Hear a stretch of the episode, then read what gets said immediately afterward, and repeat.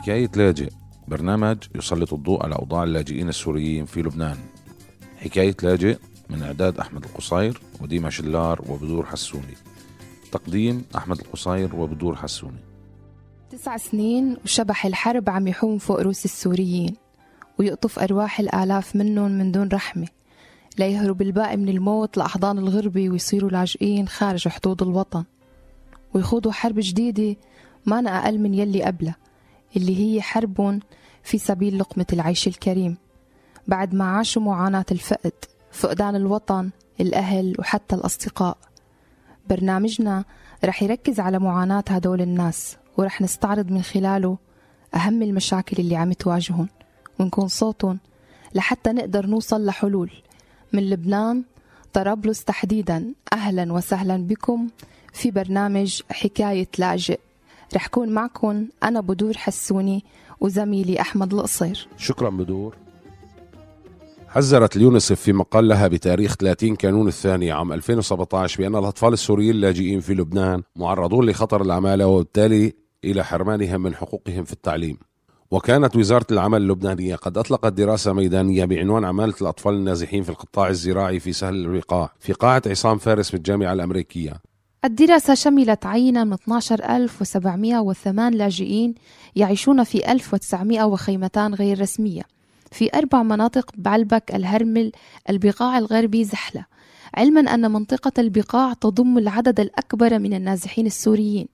العينة العشوائية اختيرت من 153 مستوطنة غير رسمية. ولتحديد الأسر التي تضم أطفالا عاملين تتراوح أعمارهم بين أربع سنوات وثمانية عشر عاما وقد بلغ عدد هؤلاء 4377 طفلا بينهم 287 من عمر أربع سنوات حتى ثمان سنوات و4090 طفلا من ثمان سنوات حتى 18 عاما. وهم ينحدرون من أسر تعاني انعداما في الأمن الغذائي وتستوطن الخيم في ظروف معيشية سيئة ونحو 50% منها تتألف من سبعة أفراد على الأقل. يبلغ متوسط الدخل الشهري لهذه العائلات 50.7 دولار للفرد الواحد فيما يبلغ متوسط الإنفاق الشهري 119.7 دولار ما يشير إلى فجوة بين الدخل والإنفاق بمعدل 69 دولار. وهذا ما يدفع بهذه الأسر إلى الزج القهري بأطفالها في سوق العمل لتأمين أساسيات العيش. الدراسة بيّنت أن 74.8% من الأطفال بين الأربع سنوات والثمان سنوات يعملون في قطاع الزراعة في ظل ظروف قاسية. إذ أن 82% منهم يعملون لمدة ست ساعات تحت شمس البقاع اللاهبة و30% يعملون في أوقات البرد القارس ونحو 11% يعملون أثناء هطول الأمطار. مستمعينا الأعزاء خلونا نروح ل voice note ونرجع لكم. أنا أنا عمر عمري 11 سنة سوري ساكن بلبنان بشتغل وترك المدرسة وعم, وعم بشتغل مشان ساعد أهلي بمصروف البيت. بتمنى أرجع على المدرسة مشان أكمل حياتي ويكون عندي مستقبل منيح. أنا سليمان عمري 13 سنة سوري ساكن بلبنان. عم عم بشتغل هلأ وتارك المدرسة لأنه بيساعد أهلي بيرفع إيجار البيت وعم بشتغل لحتى نقدر نعيش بلبنان. وهلأ آه أنا بحب أرجع على المدرسة بس ما فيني أرجع على المدرسة. إذا رجعت على المدرسة ما فينا ندفع إيجار البيت. وما فينا نعيش هون بلبنان. وأنا بحب كتير أرجع على المدرسة عشان أكبر وأصير دكتور وساعد العالم. ورجعنا لكم من جديد مستمعينا الأعزاء. حلقتنا لليوم رح نناقش فيها عمالة الأطفال مع ضيوفنا والد أحد الأطفال السيد محمد مندو والأستاذ مجد عيون السود اختصاصي في القانون الدولي وأيضا الأستاذ وديع الأسمر رئيس المركز اللبناني لحقوق الإنسان. مرحبا أستاذ محمد. يا أهلا وسهلا مرحبتين. أستاذ محمد فينا نعرف قديش أعمار اولادك وشو العمل اللي عم يشتغلوا كم ولد عندك؟ عندي والله ثلاث أولاد ذكور اثنين آه، وبنت. إيه الذكور عم بيشتغلوا. أعمارهم والله 13 و11 أستاذ محمد فينا نعرف الأطفال الذكور عندك شو عم يشتغلوا وش قد صار لهم عم يشتغلوا وشو الأسباب اللي خلتهم ينخرطوا بسوق العمل؟ والله الأطفال عندي عم بيشتغلوا بشركة تجارية مؤسسة تجارية لبيع الجملي يعني هن حمالين بين قوسين عتالين صار لهم تقريبا بالشغل ما يقارب العشر شهور أو تسع شهور هيك شيء يعني أقل من سنة. ظروف الحياة القاسي بلبنان يعني عدم توفر العمل لي كرب أسرة. لعدة أسباب يعني ما عدا خفية على حدا بالإضافة لأنه عندي أنا بعاني من مشكلة صحية وبظل انقطاع أي مساعدة ل لنا كأسرة سورية في لبنان. فمضطرين إنه نحن عندنا احتياجات من أجار منزل من فواتير من معيشي فحسبنا إنه ما عاد في مجال إلا أنه نضطر نحط الأولاد بالعمل. وهن شعروا بمسؤولية على صغر يعني. أستاذ مجد هل هناك قانون يجرم عمالة الأطفال؟ فيما يتعلق بعمالة الأطفال الجدير بالذكر أن نوضح بأن المقصود بالطفل هو كل شخص لم يبلغ الثامنة عشر من عمره وذلك بموجب البروتوكول الملحق لاتفاقية حقوق الطفل المبرم بسنة 2000 والداخل حيث التنفيذ بسنة 2002 لا شك فيه أن هنالك العديد من التشريعات والنصوص القانونية التي تعمل لمنع إدخال الأطفال بالمهن الموجودة في الأسواق المهن الحرة دون سن الخامسة عشر. وكل من ينتهك هذه الأفعال يكون تحت المساءلة القانونية. وهنا يندرج القانون التربوي في مختلف البلدان العربية المعلوم لدينا بقانون التعليم الأساسي. حيث يلزم جميع الأطفال بالدخول إلى المدارس الرسمية حتى الصف التاسع ومن المعلوم أن الصف التاسع يوازي عمر الأربعة عشر أو الخمسة عشر سنة بالنسبة للأطفال كافة. وبالتالي هنالك جو عام قانون دولي ومحلي في إلزام الأطفال أن يكونوا ضمن هذا العمر خاضعين إلى التعليم الرسمي وبالتالي يمنع انخراطهم في الأعمال والمهن الحرة. أستاذ وديع ما هي التبعات التي ممكن أن يتحملها المجتمع جراء عمالة الأطفال وهل نحن أمام خطر حقيقي جراء عمالة الأطفال في صفوف اللاجئين السوريين في لبنان؟ آه، وقت نقول الطفل عمل الأطفال يعني أول شيء الطفل هو عم ينشال من آه، من محيطه الدراسي. يعني أول أول خطر على الموضوع هو الدراسة وعدم تعلم الطفل، ثاني خطر على الموضوع هو عدم سماح الطفل لنفسية الطفل أن تتكون بهدوء وب آه، بحالة غير غير خاضعة للضغط ولل ولضغط العمل آه، ما يخلق جيل يعني وخص اللاجئين السوريين في لبنان آه، هالشيء عم يخلق جيل من الأشخاص اللي عمليا عندهم صعوبة بالتواصل مع المجتمع لم يقدروا ما قدروا يكونوا لم يستطيعوا أن يكونوا شخصيتهم بطريقة سلمية وصحيه آه، ما يجعل إنه حالات العنف وحالات الاضطراب النفسي عندهم كثيره والنقطة الثانية إنه هول هيدا جيل حيوصل لجيل وقت يصير بعمر كبير غير قادر عند ما عنده القدرات العلمية يعني ما تعلم لم يذهب إلى المدرسة لم آه، يتمرن بمهن جدية. فإذا رح يكون عنده صعوبة يلاقي شغل بعدين ورح يكون عنده صعوبة يندمج بالمجتمع لأنه في حقبة من حقبات حياته اللي هي كثير مهمة لبناء شخصيته.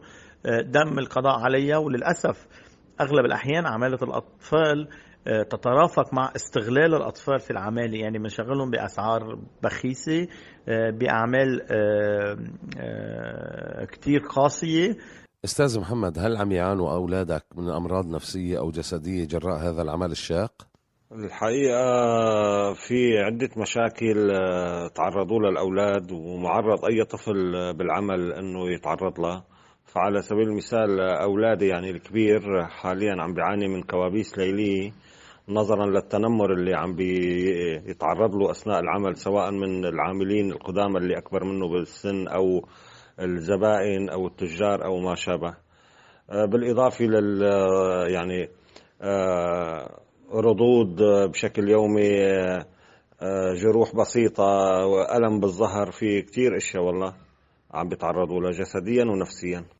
أستاذ محمد فيني أعرف طريقة تعامل صاحب العمل مع أطفالك أثناء عملهم للأمانة صاحب العمل هو رجل من أكابر الناس بيعاملهم بأفضل معاملة معاملة حسنة. لكن العاملين بنفس المؤسسة يعني معاملتهم ما تشد إيدك ما كما يجب.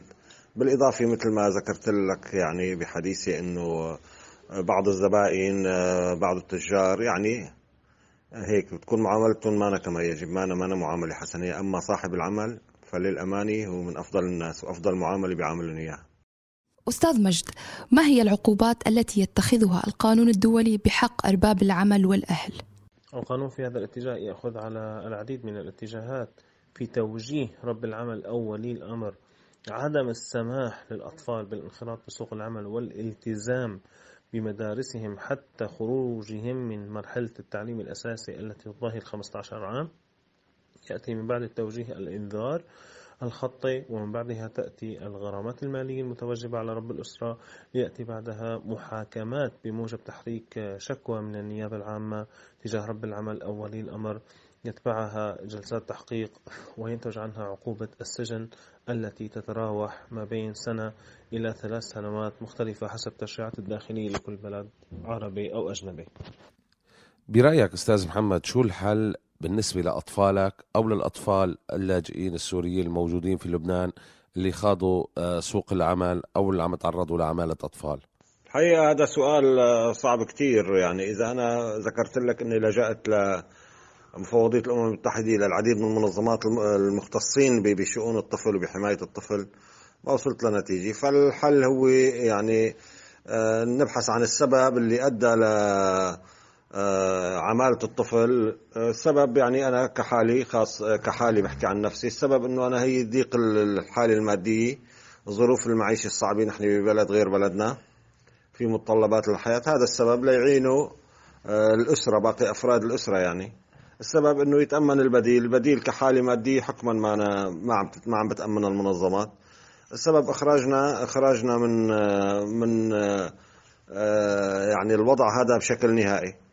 يعني إخراج الأسرة من الواقع الأليم اللي عم بتعيشه في لبنان. هذا هو الحل الأنسب والأفضل. كوجهة نظر يعني. أستاذ محمد أنا بدي أتشكرك وبتمنى لك حياة أفضل لك ولأطفالك وبتمنى نشوف أطفالك بالمدرسة بين زملائهم وبتمنى حياة أفضل للأطفال السوريين اللاجئين في لبنان بحيث إنه نلاقيهم هون ضمن مدارس عم تهتم فيهم وتعتني فيهم.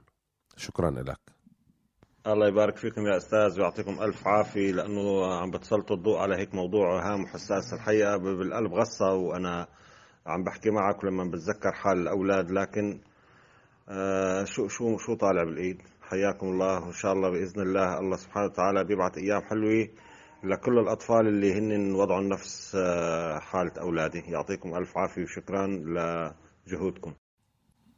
أستاذ وديع كيف فينا نتعامل مع أرباب العمل اللي عم يحاولوا يستغلوا الأطفال؟ وما هي التدابير التي ممكن اتخاذها بحقهم؟ هو عمليا التعامل مع الأطفال هلا حسب مستوى العمل. يعني الأطفال اللي هن ضحيه ضحايا عمالة الأطفال آه، في عدة أنواع وعدة مستويات ولكن التعامل معهم دائما دقيق لأنه مثل ما قلت هول اشخاص بنيتهم التكوين بنيتهم النفسية والاجتماعية بتكون متأثرة وبالأخص إذا العمل يتضمن تعنيف أو سخرة أو أو عبودية. آه، التعامل معهم لازم يتم أكيد من خلال آه، مساعدات اجتماعية أو أشخاص آه، متمرسين متمرنين عندهم خبرات بالتعامل مع الأطفال اللي عندهم هيك اضطرابات واللي تعرضوا لعمل مضني أو شاق. أستاذ وديع سمعنا عن استغلال الأطفال جنسيا وفي سوق المخدرات وفي مجال التسول. وغيرها الكثير. ما هو دور الدولة اللبنانية في الحد من استغلال الأطفال اللاجئين السوريين في لبنان؟ وما هو دور منظمات المجتمع المدني؟ وما هي الإجراءات التي يجب القيام بها؟ هنا يعني في في فرق بين الموضوع اللي كنا عم نسيره قبل اللي هو عمالة الأطفال واستغلال الأطفال. آه، مثل ما حضرتك عم تسيروا بالسؤال. آه، عمليا هون بيجي دور القانون. هلأ بلبنان في آه، قانون اتشار بالبشر اللي في شق عن الاتجار بالأطفال آه، أو الاستغلال الأطفال جنسيا و للأسف يستغلون بكل مش بس بلبنان بكثير بلدان القاصرين يستغلون للقيام بأعمال خارج القانون لأنه عقوباتهم أقل. مع هون العمل هو من قبل الجمعيات المسؤولة عن حماية الأطفال أو آه، أي شخص يجد هنالك آه، إشكالية أو خطر على طفل في لبنان هو يتصل في هنالك لجنة لحماية الأحداث وأي طفل يتم توقيفه في لبنان القضاء مجبور الاتصال بممثل مندوبة أو مندوب حماية الأحداث في البلد. يعني القوانين اللبنانية تسمح بحماية بنوع من الحماية للأطفال آه، آه، نظريا للأسف.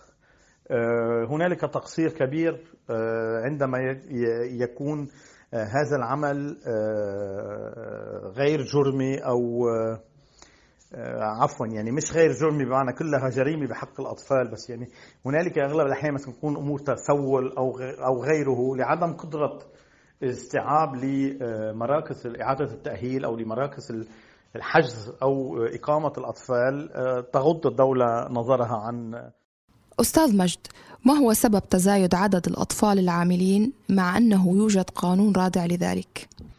الحراك الشعبي الذي حصل في المنطقة العربية مؤخرا نتج عنه أعداد هائلة من النازحين على الصعيد الداخلي أو على صعيد البلدان المجاورة مع مرور الزمن والفترات طويلة ينتج عنه تراجع في المستوى المعيشي لمختلف العائلات هذا الأمر يستتبع أن يتم استخدام الأطفال كوسيلة للعمل وجلب إيرادات مالية بغض النظر عن طبيعة العمل سواء كان يناسب هذا الطفل أو لا يناسبه. وهذا ما وجدناه بالأطفال السوريين تحديدا وأيضا على صعيد الملف اليمني وأيضا على صعيد العديد من البلدان العربية. الفقر الذي يتراوح نسبته لأكثر من 60-70% من مختلف النازحين آه، سبب أساسي لعمالة الأطفال ودخولهم في مختلف المهن الحرة. هذا من جانب. أما فيما يتعلق بالجانب القانوني فضعف تطبيق القانون من قبل الجهات المحلية والجهات الدولية فيما يتعلق بهذا الجانب هو سبب أساسي لتمادي من يقوم بانتهاك خصوصية وحقوق الأطفال وتشغيلهم في المهن السوقية الشعبية دون أن يكون لهم أدنى حقوق. وحتى من ناحية الأجور المالية التي لا توازي هذا العمل فأغلب الأطفال من يقومون بالعمل لأكثر من 14 ساعة في النهار. ونعلم أن قانون العمل يكون 8 ساعات حد أقصى وفي حال تجاوزت 8 ساعات يكون هنالك أجور مضاعفة. هذه المخالفات تنتج عن تراخي تطبيق القوانين نتيجة أرباب العمل. أستاذ وديع برأيك ما هو الحل الجذري لهذا الموضوع؟ حل الجذري لموضوع عمالة الأطفال. أول شيء هو بتغيير القوانين يعني بالدول أغلبية الدول العربية القانون لا يحمي الأطفال جديا من العمالة. يعني مثلا بلبنان سن العمل القانوني حوالي 13 سنة أو شيء. آه، يجب أنه يكون في قانون واضح آه، آه، يمنع عمل الأطفال قبل 18 سنة إلا بشروط كثير دقيقة وكثير معينة أن يكون هدف العالم العمل هو التعلم على مهنة أو على صنعة أو هو بإطار تعليمي مش بإطار عمل ثاني آه شيء يجب ملاحقة آه مافيات آه, آه، عمالة تهريب الأطفال والتسول وعمل الأطفال وتطبيق القانون يعني كما هو برأيك أستاذ مجد ما هو دور الدولة والمجتمع المدني في التقليل من هذه الظاهرة؟ على الصعيد الداخلي يأتي دور الدولة في تفعيل الرقابة للمنتهكين لخصوصيات الأطفال وتشغيلهم في المهن الحرة التي تنتهك خصوصيات الأطفال وتمنعهم من تلقي حقوقهم في التعليم والالتزام بتطبيق الاتفاقيات الدولية. آه، هذا من جانب ومن جانب آخر وعلى مستوى أخطر يوجد العديد من البلدان العربية التي تشهد حالات لتجنيد الأطفال أي أنهم باتوا يعملون في فصائل مسلحة آه، آه، من أجل حصولهم على رواتب معينة. ونذكر هنا اتفاقية منظمة العمل الدولية التي جاءت بسنة 99 وأكدت على منع أن يقوم الأطفال بالعمل كجندي وخاصة لمن هم دون الثامنة عشر من عمرهم وفرضت عقوبات قاسية على كل الدول التي تختلف مثل هذه الجرائم. على الصعيد الداخلي الدولة يجب أن تفعل موضوع الرقابة سعيا في حماية حقوق هؤلاء الأطفال وضمان حصولهم على التعليم وعمل وعدم إنشاء جيل ينخرط في السوق بعيدا عن التعليم ومساوئ السوق. وعلى الصعيد الدولي لابد من أيضا فرض عقوبات والتأكيد على آه، عدم رصد هذه الانتهاكات بالنسبة للدول الموقعين على هذه الاتفاقيات وتحديدا منظمة العمل الدولية على ماذا تنص اتفاقية حقوق الإنسان فيما يخص عمالة الأطفال؟ بقانون حقوق الإنسان الدولي يعني وبالمعاهدات الدولية في بالبند المادي 25 من الإعلان العالمي لحقوق الإنسان اللي بيحكي هو عن الحق بحياة كريمة وبيفصل أنه يحق للنساء يعني خلال فترة الحمل المرأة خلال فترة الحمل وللأطفال آه، حق عندهم حق بالحماية الزائده وهذا يعني إنه ما لا يجوز إنه يشتغلوا بظروف آه، إنه يكونوا يتعرضوا للعمل.